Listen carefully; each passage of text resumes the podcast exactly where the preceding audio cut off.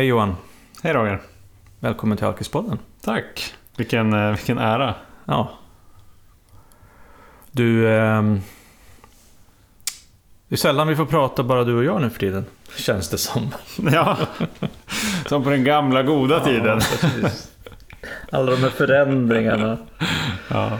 Ja. Nej, Ja. vi är ju aldrig själva längre. Nej. Nu har vi ju Gustav med också i Ja, det har vi i samtalet. och för sig. han, han lyssnar in som vanligt. Ja, det gör han. Han säger inte så mycket. Men du, ehm, vi har ju vi har spelat in ganska mycket, eh, många avsnitt med eh, gäster som kommer att släppas här framöver. Ja. Och eh, det är ju jättekul. Det är ju fantastiskt att få, få, få utforska det här ämnet tillsammans med, med andra människor också. Mm. Som inte... Du och jag, vi har ju lärt känna varandra ganska bra Mm. under de senaste året, halvåret kanske framförallt när vi har spelat in också. Ja, exakt. Men eh, ja, det är jättespännande att få prata med andra människor. Eh, men idag tänkte vi prata om eh, ensamhet. Mm. Ja, innan vi gör det, alltså bara... Det här är ju då... Det här spelar vi in strax efter att avsnittet med Josefina publicerades. Just det. Och som, där jag inte fick vara med. Nej, Nej.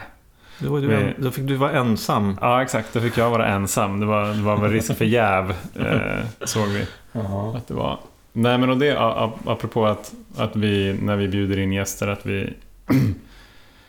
ja, vi lär ju känna dem på ett sätt som, som, man, som man kanske ofta inte gör med folk som man träffar i andra sammanhang. Nej. Och även fast eh, jag och Josefina har ju varit tillsammans i nio och ett halvt år, Mm. eh, så kändes det också som att jag genom ert samtal lärde känna henne på ett lite annat sätt. Mm. Spännande. För att jag inte har hört, eh, hört den... Jag har inte hört hennes story ur det perspektivet innan. Och jag tror att jag, jag inser att eh, jag berättar ju mer när jag sitter i ett samtal och där jag får frågor av någon som är intresserad av att, Mm. Av att höra mera. Mm. Eh, då, då berättar jag också mer. Och då lär Mm. jag känna mig själv ännu mer. Mm. Det var väldigt eh, fint tycker jag. Jag ska ju inte sticka under stolen med att jag var fullständigt livrädd för vad, som, eh, vad som skulle komma fram i ert samtal. Men, men eh, sen så kände jag bara en, eh, en tacksamhet och glädje och en stolthet Mm. och kärlek. Det var, Ja, det var fint. Det var roligt. ja, roligt att få prata om, om dig och om henne, med henne. vad tänk, ja, precis. Vad tänker vi kring ensamhet då? Vad tänker du kring ensamhet? Ehm, en grej som jag tänker på det är att vi tar upp det här ämnet eh, för att vi har fått frågor Mm. eh, om, kan inte prata om ensamhet? Ifrån eh, människor som har hört av sig. Som Ja. tycker att det är svårt. Och jobbigt och orättvist kanske ibland. Att behöva vara ensam. Och eh, ensamhet för mig. Ja, det jag tänker på först och främst. Spontant när det gäller alkohol, min alkoholism och mitt tillfrisknande. Det är att en av de viktigaste grejerna jag gjorde precis i början när jag hade blivit nykter, det var att jag eh, vågade bryta en ensamhet som jag hade hamnat i. Lite grann. Ja, just det. Jag eh, hade separerat och bodde själv och, och eh, gick på möten och sådär. Och, och jag tyckte att det var svårt det här med ensamheten. Alltså för att jag tyckte att det var, det var tråkigt. Att vara ensam. Bodde ensam. Jag, det var... Ja men... Jag kände mig ledsen. För att jag var ensam också. Mm. Samtidigt så var det så här att jag... Jag... Jag hade någon sorts motvilja mot att... Att eh, låta folk väl, hjälpa mig. Mhm. Att liksom bli en del av... Av en gemenskap som, som tolvstegsgemenskap till exempel. Eller, Mm. eller för jag, jag gillade också lite grann att vara ensam för att då kunde jag få sitta och tycka synd om mig själv. Ja, just det. Och så tänkte jag någonstans då, just den här i och med den här oviljan att, att bli en del av någonting, ändå att jag jag kunde nog fixa det här själv. Mm. Att bli nykter. Var det en stolthet i det eller? Ja, Jag vet inte om det var en stolthet direkt, men det, jag tror att det har mycket... Även om det var andra nyktra alkoholister vi pratar om, så det var både en stolthet men också liksom en, en skam i Mm. början. Över... Över att jag liksom var eh, alkoholist. Mm. Att jag hade problem som jag inte Ja, det. som jag inte riktigt hade vågat erkänna och nu hade jag erkänt dem och då tänkte jag så här, men då kan jag väl liksom snabbfixa det här och sen Mm. är allting tillbaks liksom allting normalt igen. Mm. Men eh, jag insåg såg nog någonstans omedvetet eller undermedvetet eller djupt inuti mig att, att jag nog inte skulle kunna fixa att vara nykter, fortsätta vara nykter själv.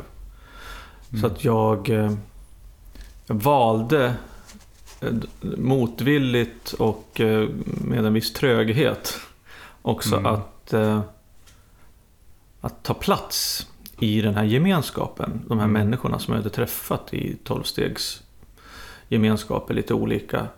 Som även umgicks med varandra. Alltså inte bara på mötena utan Mm. som vänner.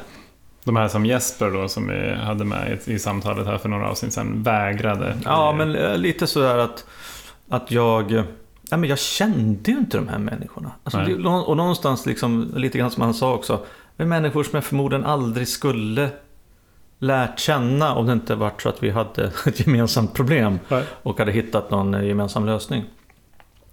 Så jag minns att min, min sponsor då, han bjöd med mig flera gånger till, så här, på helgerna oftast liksom. Äh, men det är filmkväll hemma hos honom eller henne eller det är spelkväll där eller vi ska samlas några hemma hos den här tjejen. Och, och jag bara, nej fy fan, jag vill bara åka hem till soffan och sitta och typ kolla TV och tycka synd om mig själv. Mm. Det är ganska, det är en, en, ett nyckelområde det där tror jag. Att tycka synd om sig själv.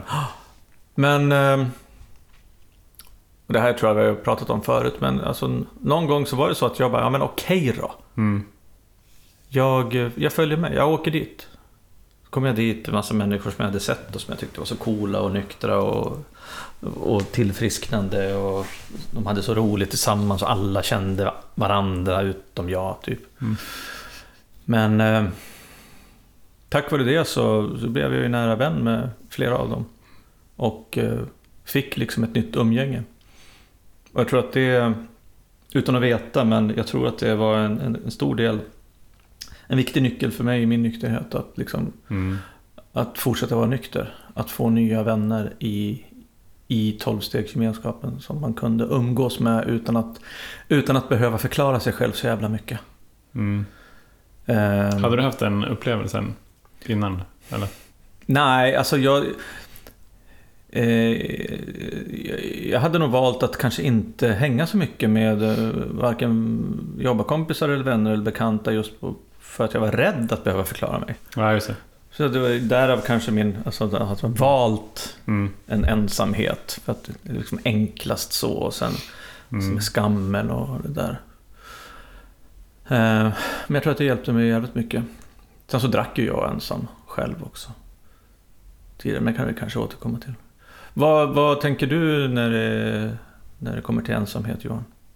Nej, men jag tror att eh, Jag tror att ensamhet eller rädslan för att bli ensam Det har varit en av mina Största drivkrafter genom hela livet. Drivkraft eller liksom rädslor som har, som har styrt mig. Eh, I Jättemycket som jag har gjort. Ja, eh, Och det är hur- inte bara drickandet. Jag tror Nej. att eh, det, det har nog snarare varit Det som är ehm, Kanske det som är inte drickandet då. Alltså hur jag Hur jag beter mig. Mm. Eh, konflikträdsla till exempel. Varför är jag så rädd för att ta konflikter? Ja men det är för att jag eh, Om jag blir, eh, blir eh, om, om jag hamnar i en konflikt så är jag rädd för en separation. Mm. Det är liksom så, så enkelt. Det kan ju låta jättebarnsligt. Vilket är ju liksom nå- någonstans här. Mm. Alltså jag, jag vill ju inte... Jag vill, eh, jag vill inte ta det ansvaret. Eh, Hur menar du? Nej, men jag tror att, eh, att, att ta ansvar för det som jag tycker. Och att låta, alltså att, att låta andra ta ansvar för sina känslor och beteenden. Den har jag ganska svårt, nu har jag lärt mig att göra det idag, men jag har fortfarande ganska svårt för det. Det kommer inte naturligt i alla fall. Har pratat om fabriksinställningar tidigare. Mm. Liksom en av mina fabriksinställningar det är att jag är rädd för konflikter. Mm. Och jag måste medvetet, inte så att jag söker upp konflikter idag, men, eh, men jag är så duktig efter så många års träning att, eh, att manipulera mig själv och andra runt om så att de inte uppstår. Mm. Att jag kanske viker av eller lägger mig eller tänker att det var nog inte så viktigt ändå. Och det här tänker exempel. du beror på att du är rädd för att bli ensam? Ja, det tror jag absolut. Hur, hur, hur, när, du, alltså, när du säger ordet ensam, vad, vad tänker du dig då? Ja, men jag tänker mig, då, då tänker jag ensam, övergiven. Aha. Eh, oh, eh, att man är liksom inte, eh, man, någon, man vill inte ha... Nej, någon paria. Inte, någon, ja, någon, någonstans sådär. Nej, men det var liksom den här killen som var han var cool och kul Oönskad. förut. Ja, cool och kul förut. Men nu, nej, nu har han bara en spillra av sitt forna jag. eh, som, som ingen vill ha. Eh, vad, nu, vad nu den storhetstiden bestod av vet jag inte liksom helt. Mm. Det var väl, den är väl framförallt en ganska förskönad bild av, av, av hur det var. Eller så är det saker och ting som jag bara hittar på helt själv. Har du varit ensam? Väldigt, väldigt sällan har jag faktiskt varit ensam just för att jag har varit så rädd för att vara det. Mm. Jag tänker på det, du, brukar ju, du har ju pratat någon gång i något avsnitt om att du liksom så här fortfarande, eller åtminstone då när vi spelar in avsnitten, ja. kan tycka liksom att det är jobbigt att vara ensam eller snedstreckt själv hemma en fredag eller lördag. Mm. Ja, absolut. Alltså ibland det, det, det, är inte majoriteten av gångerna. Ibland så kan jag tycka, ja, ja vad skönt. Nu får jag, nu får jag rå mig själv, nu, ja. nu, kan jag, nu kan jag bestämma ja, men vad jag ska äta, vad jag ska kolla på, vad jag ska... Mm. Sådär. Men, men det är om det är till 100% självvalt. Ja. Men om det, är, om det är så att det, det är till exempel eh, vi kanske har bestämt att vi ska hitta på någonting eller, och så ändras planerna. Mm. Och så blir jag själv. Då känner jag mig mycket mer ensam. Hur känner du dig då?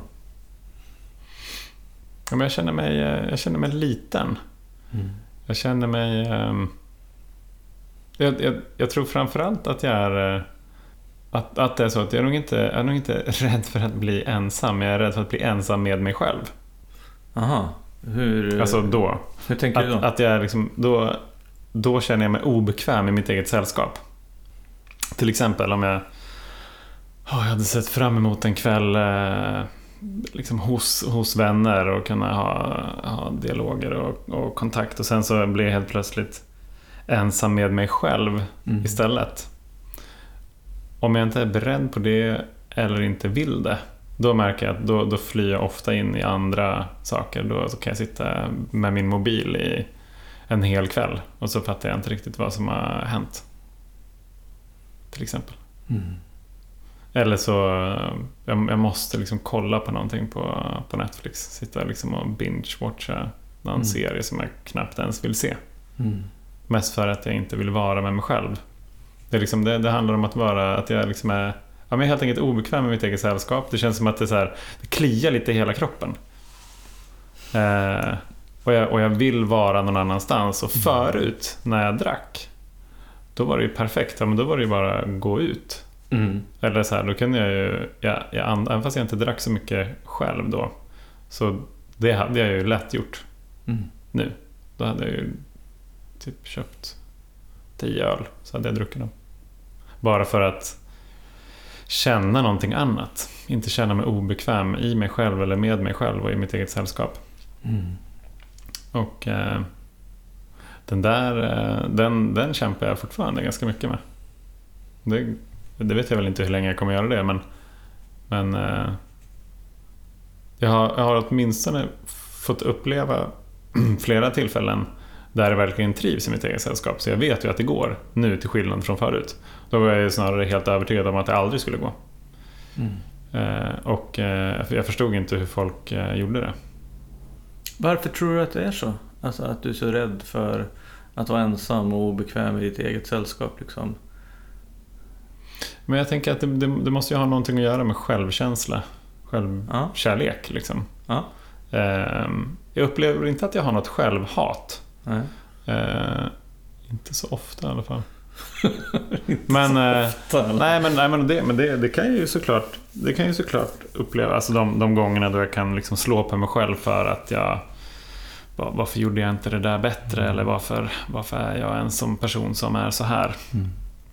Att det kan bli, jag kan, jag kan, jag kan liksom skuld, skambelägga mig själv för saker. Då, liksom det är borderline självhat i alla fall. Jag är inte där så ofta, men, men det handlar nog snarare om att, jag har en ganska låg självkänsla. Jag älskar inte mig själv eh, så mycket som jag, som jag skulle vilja. Men, men det har ju också varit någonting som utvecklas. Alltså jag är på en, på en helt annan plats nu än vad jag var för tre år sedan. Mm. Men, eh, ja. men jag är inte... Jag är inte på något vis färdig. Jag tänker så här att jag funderar på, för det är ju lite, lite intressant, alltså jag tänker på hur, hur, hur vi är som personer för att, för att jag, jag tycker ju om att vara själv. Jag, jag, jag, jag kan nästan alltså föredra det eh, ja, ganska många gånger. Alltså jag, istället för att vara i, i sällskap med andra människor. Mm. Ehm, och, ehm, och då tänker jag tillbaka för att jag, jag hittade ju ett sätt att dricka liksom när jag gjorde det ensam eh, för mig Mm. själv. Medan du var ju väldigt social också i ditt drickande. Jag Mm. tänker att de här mönstren sitter i lite grann och det är lite Mm. fascinerande. Mm. Ehm, jag tänker egentligen så, om vi, vi har ju pratat om den 180 graders principen. Mm. Så egentligen kanske, man tänker sig, jag borde träna mycket mer på att vara social och du Mm. borde träna mycket mer på att vara själv. Absolut. Ja, ja. Förmodligen. Förmodligen. Förmodligen är det så. Mm. Förmodligen är det så. För jag, jag så här, och, ja, för lyssnare kan berätta, nu, nu spelar vi in, det är söndag, mitt på dagen ungefär. Och jag hade grejer ehm, ja, men, hela dagen igår, lördag i princip. Mm. Och eh, har varit här sedan halv tio i morse och, eh, och jag bara längtar till att jag ska få komma hem. Mm. Inte för att jag kommer vara ensam hemma, men att för att få lite egen tid liksom, med mig Mm. själv. Mm. Och, och, för jag tycker att det är, jag vet inte, på något sätt. Jag har, jag har nog svårt att, att helt liksom, ja, jag kan ju vila tillsammans med eh, Jenny till exempel. Eller umgås med mina barn. Eller, men, eh, men riktig sån här hund, riktig avslappning. Det får jag nästan inte eh, någon annan gång än när jag är helt själv. Liksom. Mm. Eh, Vad gör du då? då? Ja, men det är... eh, eh, Det kan ju vara lite olika saker. Det är Mm. sällan liksom ingenting. Men jag kan, jag kan ju till exempel titta på fotboll. Eller jag kan eh, springa. Mm. Eller jag kan eh, läsa. Eller jag kan eh, kolla på någonting. Mm. Alltså det, för, för mig är det, är det liksom ändå tid. Eller jag- när jag är ensam eller om jag är själv så. Det är inte så att... Jag, satt, jag, satt, jag tänkte på det här med liksom så här. Eh, vissa människor har svårt att vara eh, still eller opassiva. Mm. Måste göra saker. Mm. Och, och vissa människor måste göra nytta. Ja, just det. Alltså om jag är ensam hemma en söndag Då måste jag liksom dammsuga, vattna blommorna, Mm. tvätta. Eh, Annars är det bortkastad tid. ja, Mm. precis. Mm. Jag, jag, jag är lite tvärtom kan jag erkänna. Alltså jag, när jag är själv då vill jag gärna göra så lite som möjligt. Ja. Ehm, vilket kan vara irriterande både för mig och för andra därför att då vi kanske inte blir så mycket gjort som man Mm. då behöver göra andra gånger. Men jag tänker på det där liksom att... att eh, och nu pratar, vi, nu pratar jag mycket om att jag tycker om att vara själv. Mm. Medan jag alldeles för några minuter sedan pratade om att det viktigaste för mig i nykterheten var liksom att skaffa mig ett socialt sammanhang. Ja. Och det, det har jag ju fortfarande. Det är inte så att jag försöker isolera mig så snart jag får, så, så snart jag får chansen. Men, men jag tycker ensamtid eller själv till egen tid är jävligt viktigt. Men jag har också idag förstånd och uh, förståelse för att jag behöver omge mig med, med uh, ja, men nyktra vänner. Mm. För att jag ska tycka liksom att det här livet ska vara så bra som jag tycker att det är. Mm. För, det, det, för mig är det en jättestor del i att liksom just det vi, så vi, upp, vi får ett bättre liv, vi blir bättre människor. Det beror inte bara på att jag har jobbat med mig själv i stegen eller tillsammans med en sponsor eller vad det nu är. Mm. Utan det beror ju på att jag har till exempel lärt känna dig mm. och andra liksom nyktra alkoholister som, som man idag har och det, och det pratade vi om också när Jesper var här, liksom, att man lär känna varandra på en, på en helt annan nivå. Ja. Än man kanske ja, lär känna jobbarkompisar, man, stött, man sitter bredvid någon på någon middag. Liksom, så här. Så att, så att den här vänskapen och de här relationerna som jag har skapat, det är inte hundratals liksom, men de som jag ändå tycker är bra och de som är viktiga, det är ju liksom, det är ganska djupa relationer. Liksom. Mm. Som är skapade på någon, någonstans för att, för att vi har, ja, men vi har problem och vi har hittat no någonting tillsammans som, vi, som kan hålla oss nyktra. Så det, det är ju jätteviktigt. Mm. Vet, jag är övertygad om att inte, om inte jag... Om jag isolerar mig och tappar kontakten med en nykter gemenskap. Då så... Då kommer jag nog eh, mer eller mindre snabbt och djupt att återfalla liksom i gamla dåliga beteenden. Att bli mm. egoistisk, egocentrisk, eh, latare, ännu latare än vad jag är idag. Och, eh, och att det till slut liksom någonstans kan leda till någon typ av, ja men att jag känner mig eh, världsfrånvänd eller liksom mm. isolerad och då tycker jag att alla andra är dumma i huvudet och sen till slut så kanske jag sitter där och då kan jag lika gärna dricka. Mm. Så att eh, eh, ensamheten är både en välsignelse och eh, jävligt lurig alltså. Blessing and a curse. Ja, precis. Mm. Alltså det, det som slår mig bland annat, det är väldigt intressant alltså, i alla de här samtalen som vi har. Mm. Så när vi börjar så, så tänker jag alltid så här. Jag tror inte jag har någonting att säga om det här. men, så, men, men så flyter samtalet på -huh. så, så känner jag igen mig mycket i det du säger och så kommer jag på saker när jag hör dig. Och, och en av de sakerna som jag kom på nu det var att, att eh, tidigare när jag var, när jag var aktiv, det var också liksom, jag var väldigt aktiv socialt. Det mm. liksom, har vi varit inne på. Det är alltifrån att det, det, är inte bara dåligt såklart. Alltså jag gillar att träffa, träffa nya människor och sådär. Men, men, men, frågan är var, varför? Liksom, vad är drivkraften? Mm. Och, och liksom under, under några perioder, under flera, så, så har det känts som att så här, men typ, samla vänner på Facebook. Alltså så här, liksom, ju, ju, fler desto bättre. Mm. Ungefär så. Det var liksom kvantiteten, jag har ett stort nätverk. Liksom, som, som att det skulle, det skulle skydda mig från mig själv. Mm. Och att det skulle här, skydda mig från mig själv och skydda mig från att bli ensam. Mm. Men om jag har liksom 2500 vänner på Facebook. Då kan jag ju inte vara ensam. Men jag känner mig väldigt ensam.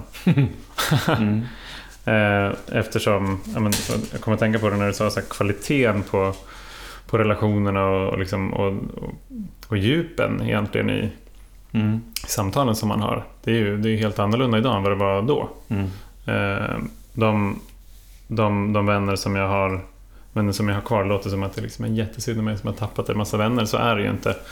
Eh, men det finns, det finns flera bekanta som jag hade förut som jag inte umgås med idag för att det inte är intressant. Nej.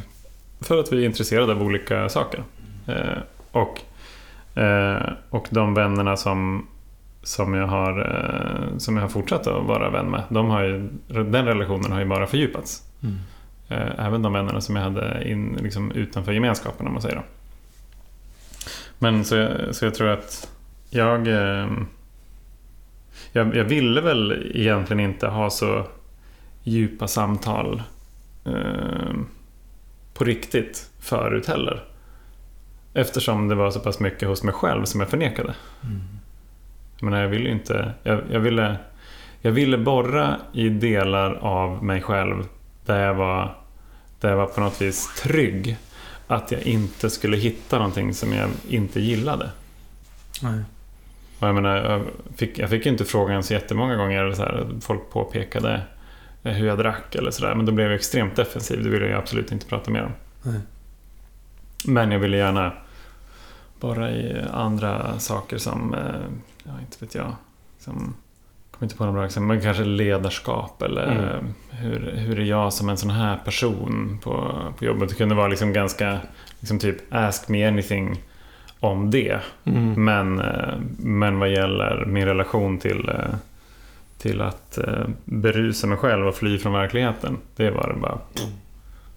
Ja, jag tänker på en sak. När jag var aktiv. Mm.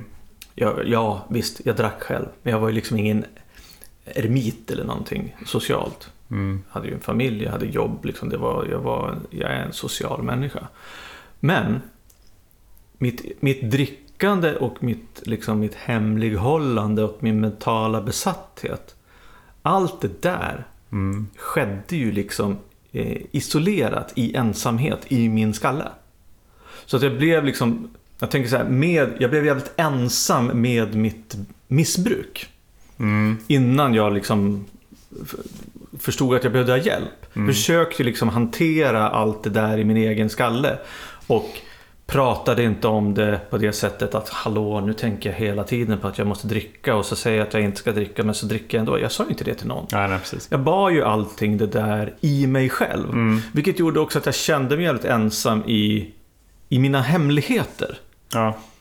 För jag, hade, jag visste att jag hade hemligheter. Jag har ju Mm. berättat förut att man tänkte, "Ja, tänk om folk visste att jag höll på sådär. Mm. Så här liksom, att jag dricker, liksom, sitter i, vid di- i diket här liksom, och har det mysigt. Liksom. Mm. Just det där att ju mer jag eh, eh, smög och eh, manipulerade andra, desto mer ensam blev jag. Mm. Jag blev ensam med alkoholen. Liksom. Mm. Och det är ju den grejen är jävligt tuff att bryta. För att ja, jag var ensam men alkoholen var också min bästa vän. Ja, exakt. Och om jag då känner mig ensam och kanske ändå har ångest för att jag är den jag är eller skäms över mig själv. Och sen ska jag då ta bort min bästa vän. Mm. Ja. Då blir jag ju verkligen ensam. ja, det är inte så konstigt att man är livrädd för det. Nej. Nej. För att det var ju den, det var ju alkoholen och jag som hade den här pakten. Den här jävligt Mm. starka liksom. De här starka banden. Så var det Mm. var jag, vi mot världen liksom. För mig var det så. Och... eh, Och... eh, Jag tror, jag tror för mig också att det var så. men Jag trodde ändå att jag... Ja, men jag slutade dricka. Sen trodde, jag jag, men jag, men jag, jag kan nog bestämma mig själv att jag inte ska dricka mer. Fast jag visste ju att den här min bästa kompis fanns ju där ändå. Liksom. Även fast tillfälligt så hade jag sagt att nej, vi ska nog inte ses just nu. Mm. We were on a break. Ja, we're on a break. Eh, och eh, jag tror också att ensamheten där kan vara liksom, både en ursäkt för att inte sluta dricka men också ett kryphål för att liksom på något vis kanske hitta tillbaks till alkoholen. Mm. För att ju, ju, om jag fortsätter att vara isolerad och säger att jag ska fixa det här själv. Då Mm. har jag heller ingen som jag behöver stå till svars inför. Ja, exakt. Förutom mig själv då. Mm. Och jag, mig själv har jag ju lurat så många gånger Mm. tidigare.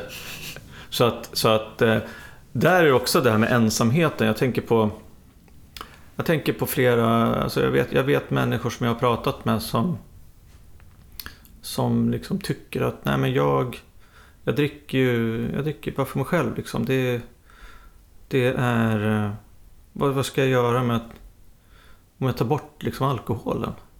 Då kommer jag bli helt själv. Jag, jag, jag, jag, jag, är ensam. Liksom. Mm. Och då tänker jag så här att ja, det är väl klart. Det blir man ju om, om, om man inte gör någonting åt saken.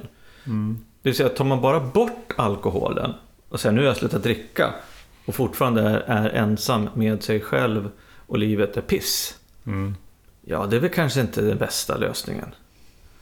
Men om, om, om man istället kan, som, som jag har gjort och som du har gjort och som de vi träffar i tolvstegsgemenskaperna har gjort. Det vill säga att man, man hittar en gemenskap. Mm. Det, det, kallas ju för en gemenskap. Tolvstegsgemenskap. Eh, en grupp med människor. Och det, det, är inte liksom en, det är inte en terapigrupp. Det är inte folk som liksom är tvungna att gå dit och så sitta där en timme, sen gå hem och sätta sig i sitt kök och sen komma tillbaka nästa vecka. Eh, för vissa kanske det är så, men, men mer ofta än sällan så blir det liksom en gemenskap. Mm. Man träffas före mötena, man går och fikar efter mötena, man umgås utanför mötena. Vilket gör att man är inte ensam längre. Mm. Det var de här där Ben och Gunnar ögonblicket. Ja, precis. Men, men just det där att det går ju faktiskt för dig som sitter hemma och känner dig jävligt ensam. Och, och du dricker alkohol. Och tycker inte att ja, men jag har ingenting. Ehm, så finns det ju faktiskt människor som, som, som du kan lära känna. Som gör att, att du slipper vara ensam. Mm. Eh, och det, det är ju liksom det är ju en av anledningarna till att de här 12-stegsgemenskaperna, 12-stegsprogrammen funkar för människor därför att de hittar, jag hittar, du hittar en ny gemenskap. Mm. Ett nytt sammanhang liksom i livet. Som Mm. både kan ersätta alkoholen men också göra liksom livet mycket bättre. Mm. Därför att det är ganska, det är ganska sunda eh, sammanhang. Jag kommer ju att tänka på eh, också, vi pratade innan, just svårigheten att, att utveckla sig själv. Ja, Själv. ja Eh, precis. Jag vet inte, alltså jag har väl inte plöjt, plöjt alla eller liksom en, en, ens i närheten av, av en majoritet av liksom självhjälpsböcker. Men, men, eh, men de jag har läst, då har jag liksom tyckt att ja, men det, det här var ju bra. Det här, eh, det här ska jag ta tag i. Det var jättebra, jättebra tips och, och sådär. Men jag har ju inte gjort det. Nej. Eh, kanske börjat med, med någon, någon grej liksom sådär, men eh, jag kommer att tänka på det du sa, liksom, det hade, om det bara är mig själv jag står till svars inför, Mm. då kommer jag ju faktiskt till slut ändå inte att fortsätta med det. Eh, jag har aldrig lyckats med det i alla fall. Nej, tror jag inte. Eh, så i, i början av min nykterhet, då fick jag ju då fick jag stå, stå till svars för, inför min terapeut. Mm. Det var så det började för mig. Att jag, hade en, jag hade en handlingsplan på det var tre eller om det var sex månader. Att de här sakerna ska jag göra. Så fick jag liksom och så fick jag berätta varje vecka. Hur har det gått? Du ska, ja men du säger att du ska Hur har det gått på jobbet? Hur många timmar har du jobbat den här veckan? Hur har det gått på de här mötena? Har du gjort eh, hemläxan i terapin? Har du, och så vidare. Mm. Sådär. Och eh, jag kommer ihåg när vi gjorde den här handlingsplanen. För eh, att, att jag försökte väl jag försökte väl hålla de, där, hålla de här löftena på hyfsat lösa boliner. Mm. Att så här, jag ska i så stor utsträckning som möjligt. Eller så här, eh, om- När tillfälle ges. Ja, exakt. när, när tillfälle ges så ska jag hålla mina rutiner. ungefär. Om inget oförutsett inträffar. Nej, exakt. Precis. An act of God. och då, och då, han är ju väldigt rutinerad, min Mm. terapeut. Och han sa så här, men jag, jag, jag är liksom en lika, en lika undflyende knickelidink som, som du är. Och jag vet att det där, det där gör du bara för att du vill liksom smita undan från ansvaret. Mm. Så att antingen så, så, så, så sätter vi ner tydliga punkter i handlingsplanen och så, Mm. så utger du ett, ett, ett löfte liksom att du ska hålla det. Eller så gör vi inte det. Alltså du, nu får du välja. Mm. Och, eh, och det var ju precis det jag behövde Ja. Höra. Alltså då, eh, ända, och ända sedan dess, jag tror att det var liksom då som, som jag hörde uttrycket för första gången liksom på riktigt tough love. Ja. Alltså här, tuff kärlek. Det vill säga att inte vara den här, ja men det är klart att du inte ska behöva lova. Och Ja. det är så synd om dig så att Ja. jag vill inte pusha dig till någonting mer. Mhm. Men det är ju exakt, åtminstone hade det varit det för mig, det var exakt tvärtom om man hade gjort det. Då hade, det hade ju inte varit kärleksfullt alls. Nej. Det hade ju varit fegt. Mm. Eh, då hade det nog varit drivet av att han inte skulle vilja ta konflikten eller göra mig ledsen där och då. Så att jag är väldigt glad över att han valde att inte ta ansvar för mina känslor. Mm. Utan säga det här tror jag att du behöver. Mm. Som din terapeut. Mm. Och i, i tolvstegsprogrammet, eh, de, de som jobbar i stegen har ju en sponsor. De allra flesta i alla fall. Det är det som är rekommendationen, att man inte gör stegen Mm. själv utan man gör dem tillsammans med en sponsor som kan vägleda en i det där. Det, det handlar ju också om att så här, ja, det är klart att jag vill, jag vill ha någon fråga om jag har frågor. Men jag behöver också någon som jag kan som, som kan hålla mig lite ansvarig Mm. inför de, de löftena. Eller liksom det, som jag, det som jag har lovat mig själv framför allt. Det handlar ju inte om att jag, jag kan inte vara nykter för min sponsors skull. Nej. Men det är klart att han vill att jag ska vara det. Ja, fan, det där är, det är så jättespännande. För jag tycker, jag tycker jag har haft lite samtal på sidan om med människor liksom som har ja, men, frågat om hur hanterar man ja, men, alkoholister och missbrukare. Så så här, ja, men, eh, och då, då tänkte jag på det här med att, att det, det jag av erfarenhet vet funkar både för mig och det som jag har hört andra. Det är liksom det är två saker egentligen. Antingen att man genom sitt handlande får eller skapar för stora konsekvenser. Mm. Att inte- det är inte värt det liksom. Ja, men Ja, nu, alltså, nu är priset att betala för att fortsätta det är för högt. Liksom. Mm. Eller det är värt att sluta dricka. Det är konsekvenserna. Det andra är att, att eh, som vi har varit inne på lite grann, att man blir utsatt för krav eller gränser Ja. som är kopplade till konsekvenser Mm. som gör att man faktiskt ändrar sitt beteende. Och då tänker jag så här att vad, vad är din erfarenhet av det här? För det här brukar upplevas som ett, ändå, fast det var en öppen fråga, alltså som att få krav på dig i, Mm. när du var där i processen. Du, du tycker Mm, att det var mm. liksom skönt att eh, han tog inte ansvar för dig. Tyckte du att det var skönt att du fick ta ansvar?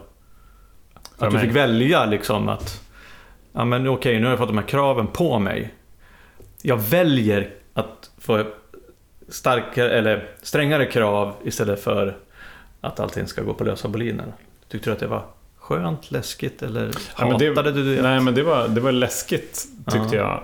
jag. Eh, just för att det blev så tydligt att ansvaret var mitt. Ja. Och ehm, jag tror att det var för första gången kanske på, på riktigt som det var så här. Jag har ingen annan att skylla på. Nej. Och det, ehm, det, det har jag tagit med mig sen dess Mm. faktiskt. Eh, jag vet inte varför jag kommer tänka på det nu. Men har du läst en bok som heter The Subtle Art of Not Giving a Fuck? Nej. Nej. Den är skriven av en man som heter Mark Manson som är en form av ganska punkbuddhistiskt epos. Som, Mm. eh, som, eh, som handlar om eh, det, det jag väljer att... Vad, vad väljer jag att bry mig om? Mm. What do I give a fuck about? Och eh, väldigt läsvärd bok som jag kan rekommendera alla att läsa. Och eh, i, ett, ett, i ett kapitel eh, så, så skriver han om The Fault and Responsibility Fallacy. Som, Och för oss som inte det- vet vad det betyder. och det är eh, alltså, är det, även fast det inte var ditt fel så behöver du ta ansvar för situationen. Ah, okej. Så, och, och förväxla inte de där. Det vill säga, bara, bara för att det inte var... Säg att ja, men någon, någon kör på mig från, eh, från sidan, det var inte mitt fel. Nej, men jag, behöv, jag kan ändå inte bara undfly hela situationen och inte ta ansvar för den. Någon Alltså- välter ett glas mjölk på köksbordet. Ja, Det är inte du som har gjort det, men nej. du kan ju torka upp det. Men jag skulle ju kunna hjälpa till. Ja. Precis, och jag menar... Lite grann samma sak, koppla tillbaka till den här liksom offerrollen. Ja.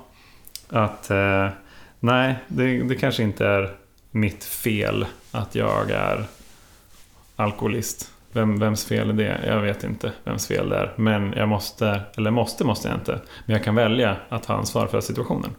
Och det är, eh, det är bara när jag väljer att ta ansvar som jag också har frihet. Tror du att... eh, Ja, jättebra. Tror du... nu kommer vi på sådana här spekulationer här, men... Alltså, jävligt tidigt i vårt poddande så, så konstaterade jag, du och jag ändå att vi har ju faktiskt gjort någonting åt vår sjukdom. Vi har tagit ansvar. Mm.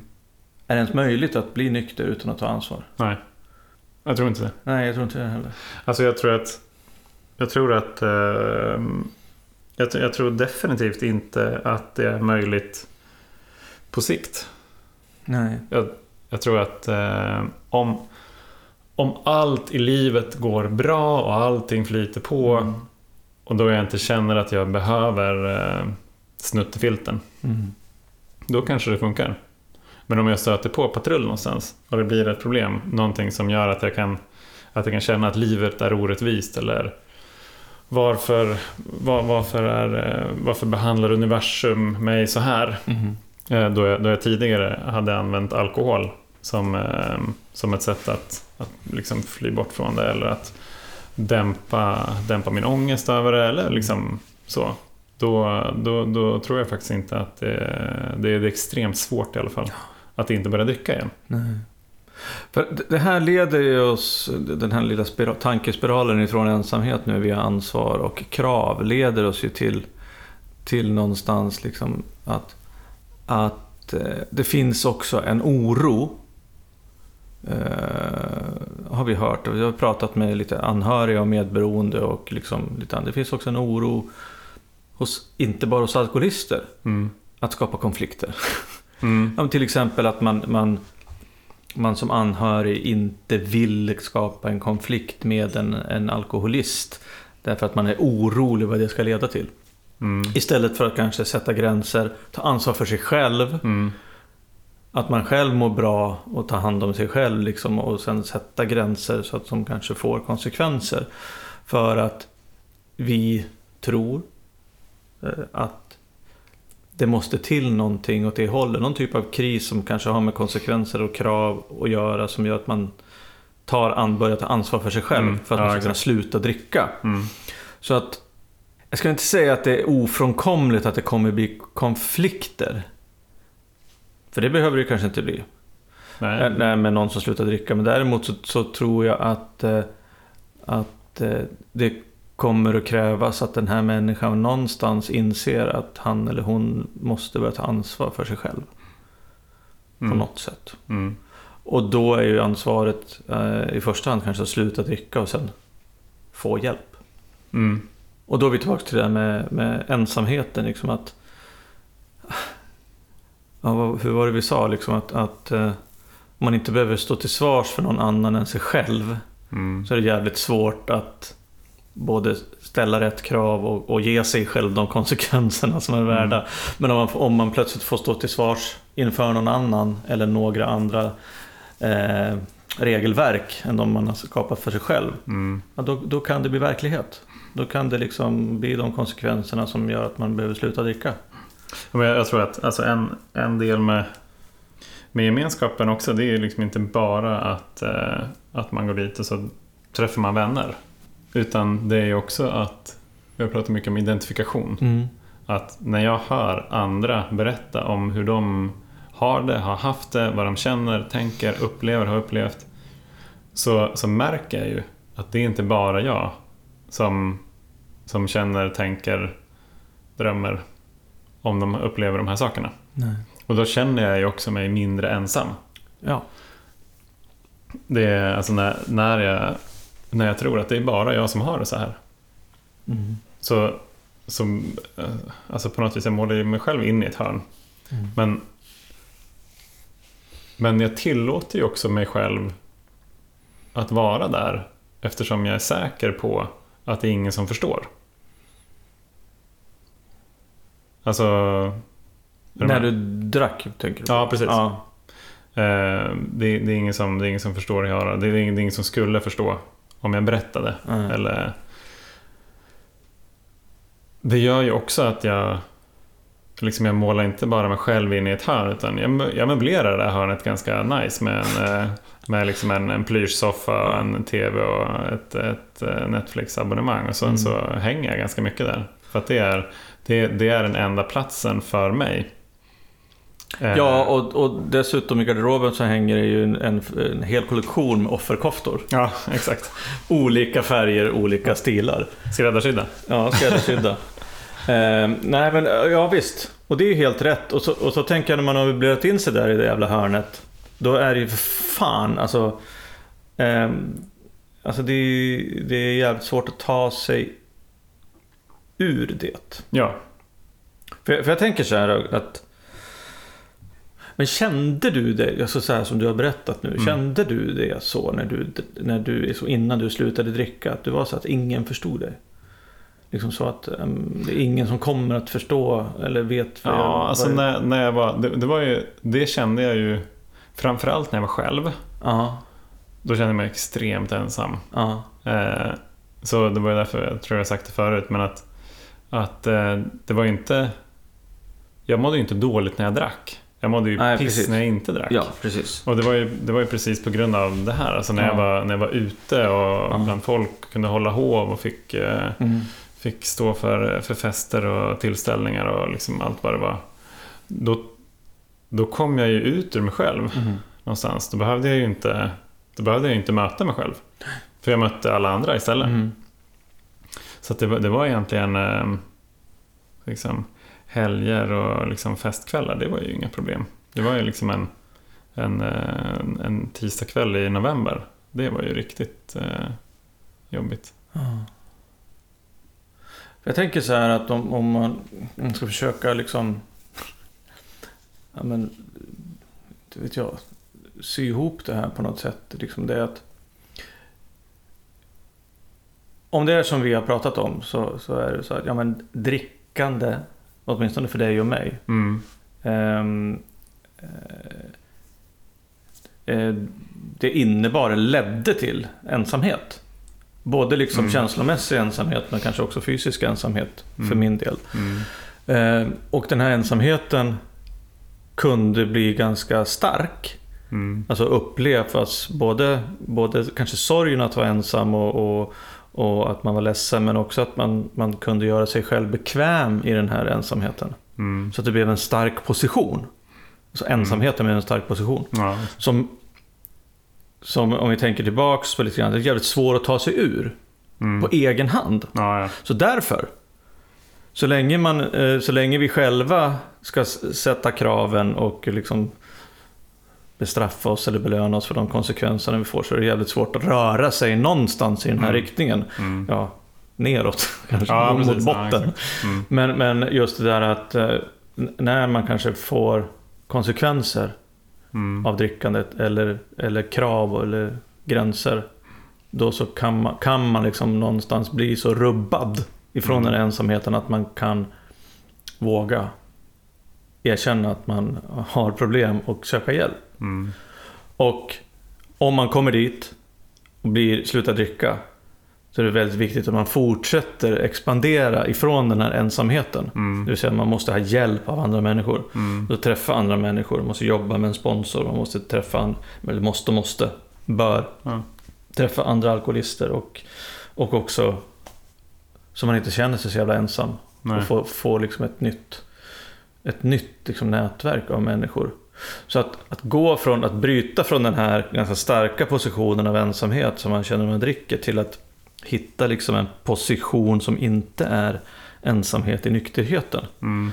Ja, det är en resa som ungefär skulle kunna se ut som jag har gidrat om nu. Mm. Men den är inte så jävla lätt att se när man sitter där i Nej, sin exakt. soffa i sitt Nej, exakt. ensamma hörn. Hur fan ska jag ta mig dit bort? Eller då vet inte ens att den här gemenskapen finns. Nej, precis. Ja, med ensamhet. Ja, men jag, jag inser ju nu också under samtalet att det som...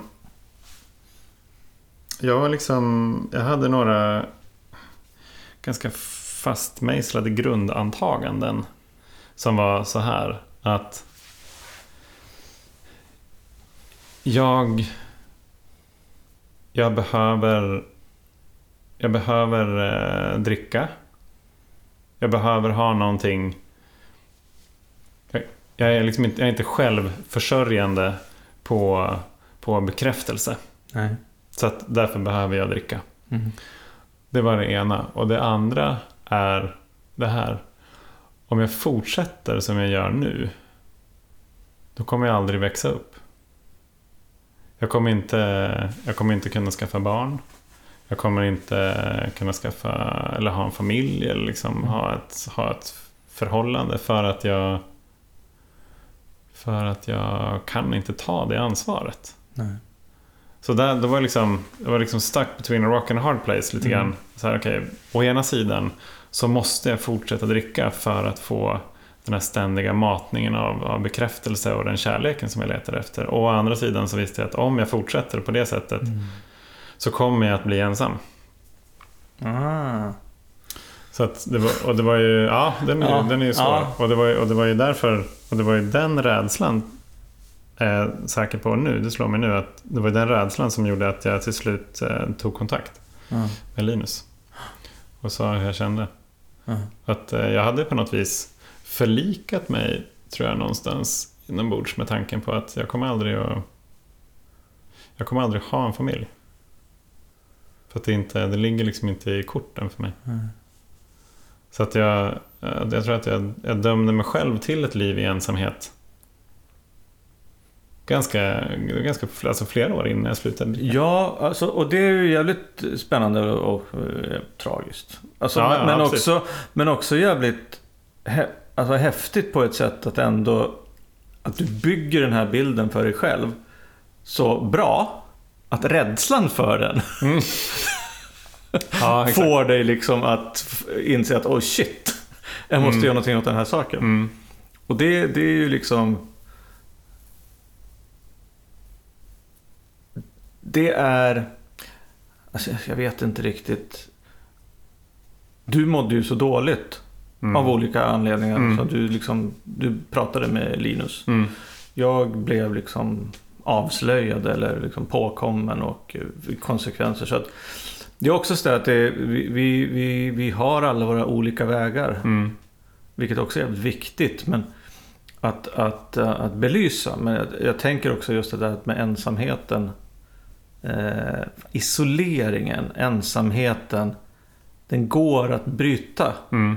Och om man som Johan då är så duktig på att fantisera om var man till slut ska hamna någonstans. Mm. Man, om man har den förmågan att kunna se fram i tiden.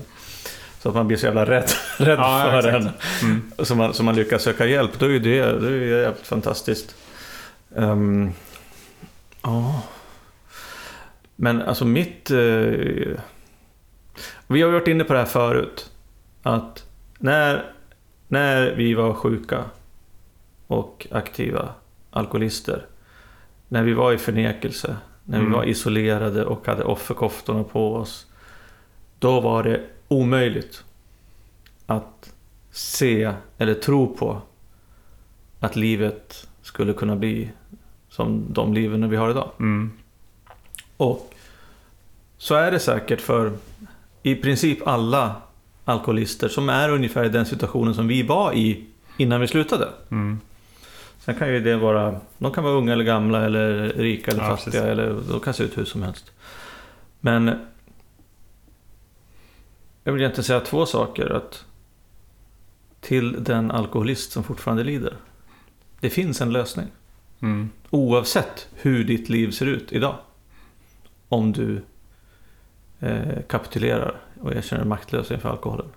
Och till de som står bredvid så är det så här att Ja, det är ju bara att hoppas på att antingen via självinsikt, som är ganska osannolikt, eller, eller via konsekvenser och rädsla så, så kommer förhoppningsvis alkoholisten som är där att, att liksom inse att, bra problem, att man har problem och, och att det finns liksom hjälp att få.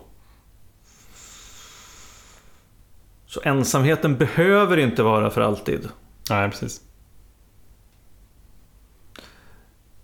Den kan ersättas med gemenskap Mm. och kärlek.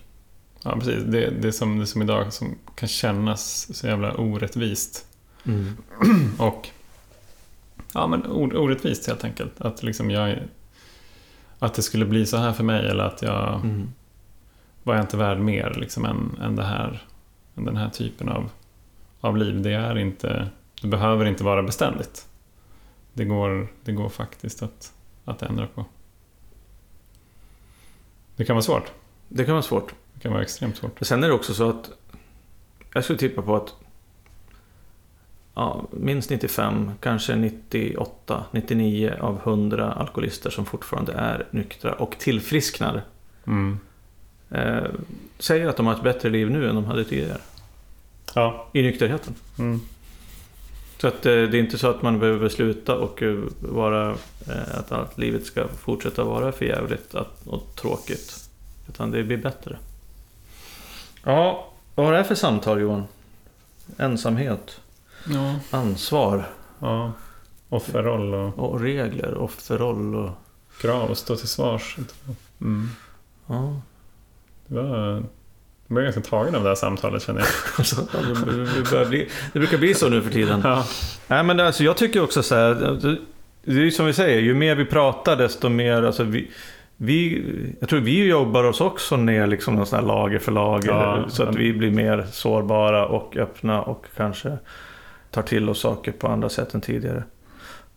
Men fan alltså det här med ensamheten, det, det går att, eh, att bryta den alltså, Mm. och få ett bättre liv. Ja, Jag menar, det, det, det finns ju olika sätt att göra det på. Antingen att gå på möten eller så kan man ju ringa till så här hjälplinjer. Och, Mm. eh, det finns ju i de allra flesta tolvstegsprogram. Mm. finns det jourlinjer som man kan ringa. Och till oss ska ni alltid höra av er på, på Instagram eller, eller Facebook. Vi blir väldigt glada till er, eller ja, glada för er som, som hör av er. Eh, och, och ibland så är det liksom för att, för att säga tack och ibland så är det för att liksom vill starta en dialog och vi är verkligen öppna för båda de spåren. Mm. Eh, verkligen, så att eh, Instagram eller Facebook är, är det bästa. Eller skicka ett mail till alkispodden.gmail.com Ja, Och det kan man liksom säga, vi har ju känt samma ensamhet som ni har. Ja, precis. Och ja, det är ju det är ju ett jätteenkelt sätt om ni lyssnar på det här och bryta ensamheten. Det är att höra av er till oss om ni vill. Ja, gör det. Något mer? Nej, så nu måste jag vara ensam ett tag här. Nej, men det, jag, jag, jag tycker Ja. att det är just ensamhet, det är ett, ganska, det är ett stort område. Och jag menar, efter, efter tre års nykterhet tycker jag fortfarande att det är ganska jobbigt. Mm. Det är i perioder. I, ibland så är jag ganska bekväm med mig själv. Och då, då, då känner jag mig inte ensam när jag är själv. Nej. Men, eh, men ibland så, så letar jag upp den här offerkoftan i garderoben som fortfarande sitter ganska bra. Ja. Och så tycker jag synd om mig själv. Ehm, men eh, men, det, men det, det korrelerar ju ofta med Har jag berättat för någon hur jag känner? Ja. Har jag, har jag och Josefina haft känslomöten hemma? Nej, det var ett tag sedan. Ah, Okej, känner du dig mer ensam nu. Mm. Eller eh, har jag slarvat med att gå på möten? Eller, har jag, eller går jag dit men jag väljer att inte prata med folk? Eller jag kanske väljer att liksom ha ytliga dialoger snarare än att jag faktiskt berättar för någon. Jag behöver behöver inte ställa mig på, på scenen och skandera hur jag, hur jag känner till, till allt och alla och hela världen. Men, men att bara att ha, att ha ett, ett genuint sårbart möte med en annan alkoholist hjälper mig alltid. Att känna mig mindre ensam. Mm. Så det var nog snarare en påminnelse om det också, tror jag idag. Vad tänker du? Jo, jag tänkte på också eh, på temat eh, bryta ensamheten eller, eller Mm. dela och ha viktiga samtal. Så, så är det ju så att eh, jag är också väldigt glad och tacksam att du och jag får ha de här samtalen. Mm. Minst en gång i veckan, ibland flera gånger i veckan Mm. som det har varit. För det är ju också ett jätte, jättebra sätt att, att, eh, att eh, ja, dela på och prata om. Prata om saker och ting. Bara prata du och jag. Mm. Nu gör ju det, nu gör ju vi det så att det kommer ut till andra att lyssna på också. Och det gör väl förhopp- förhoppningsvis att våra samtal också kan bidra till att någon känner sig lite mindre ensam där ute. Mm. Jag hoppas verkligen det. Ja. Vi är mer ensamma tillsammans, du. Ja, precis. ja. ja. Vad fint. Tack Roger. Tack Johan. Och vi till alla lyssnare säger väl att vi hörs nästa vecka. Mm. Och eh, ha en trevlig helg. Trevlig helg. Kram. Hej då!